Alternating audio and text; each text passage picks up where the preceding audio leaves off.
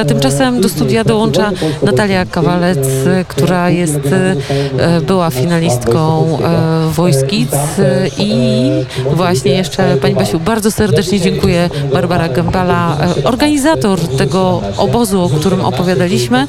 Natalia, dzień dobry.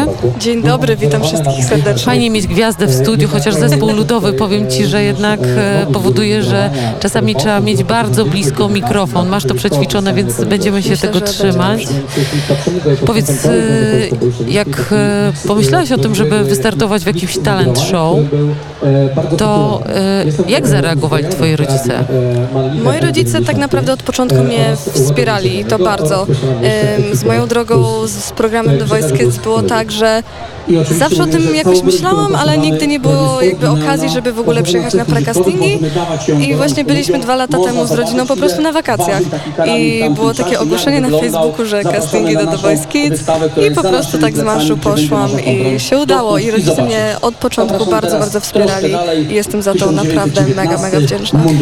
Ty e, mieszkałaś wtedy w Polsce, czy mieszkałaś w Stanach? E, Urodziłam się i mieszkam cały czas w Stanach Zjednoczonych, ale moi rodzice pochodzą z Podkarpacia, także serce mam polskie. e, Uwielb uwielbiam tu wracać, po prostu naprawdę uwielbiam tu wracać. Tu się czuję jak u siebie w domu.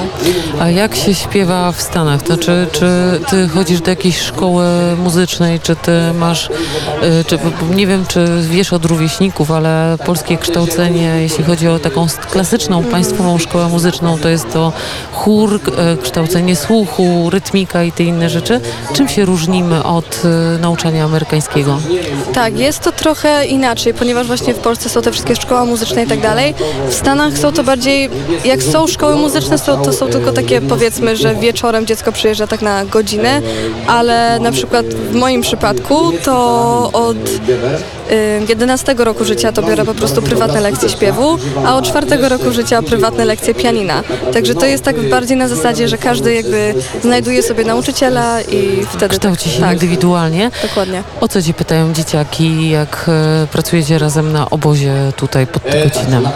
Najbardziej o to, jak właśnie zawalczyć o swoje marzenia, jak się nie poddawać i zawsze mówię, że po prostu no, trzeba też wierzyć, że się uda, bo jak dana osoba nie będzie w to wierzyć, no to jak to ma się udać? Także zachęcam wszystkich słuchaczy, aby właśnie wierzyć, że marzenia się spełniają. Jakie są Twoje marzenia i plany zawodowe już e, dotyczące śpiewania? Jest ich bardzo, ale to bardzo, bardzo dużo.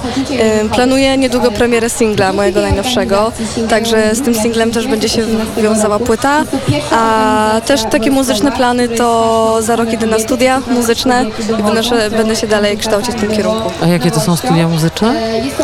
Yy, Chcę iść na music education, czyli chcę po prostu uczyć i planuję też zrobić sobie drugi kierunek, jeszcze nie wiadomo jaki, ale na pewno będę dalej w tym świecie muzycznym. Czy y, usłyszałaś kogoś y, z tych uczestników, kto Cię tak e, zatrzymał, kto jest e, jakiś wybitny, wyjątkowy albo Ciebie po prostu poruszył? Jest u nas naprawdę tyle niesamowitych głosów, że nie, nie jestem w stanie po prostu wyznać tylko jednej osoby. No, wczoraj na przykład, przedwczoraj mieliśmy taki jam session, taki mini koncert i muszę powiedzieć, że naprawdę dzieciaki mają taki, taki ogromny potencjał i wierzę, że zajdą naprawdę daleko.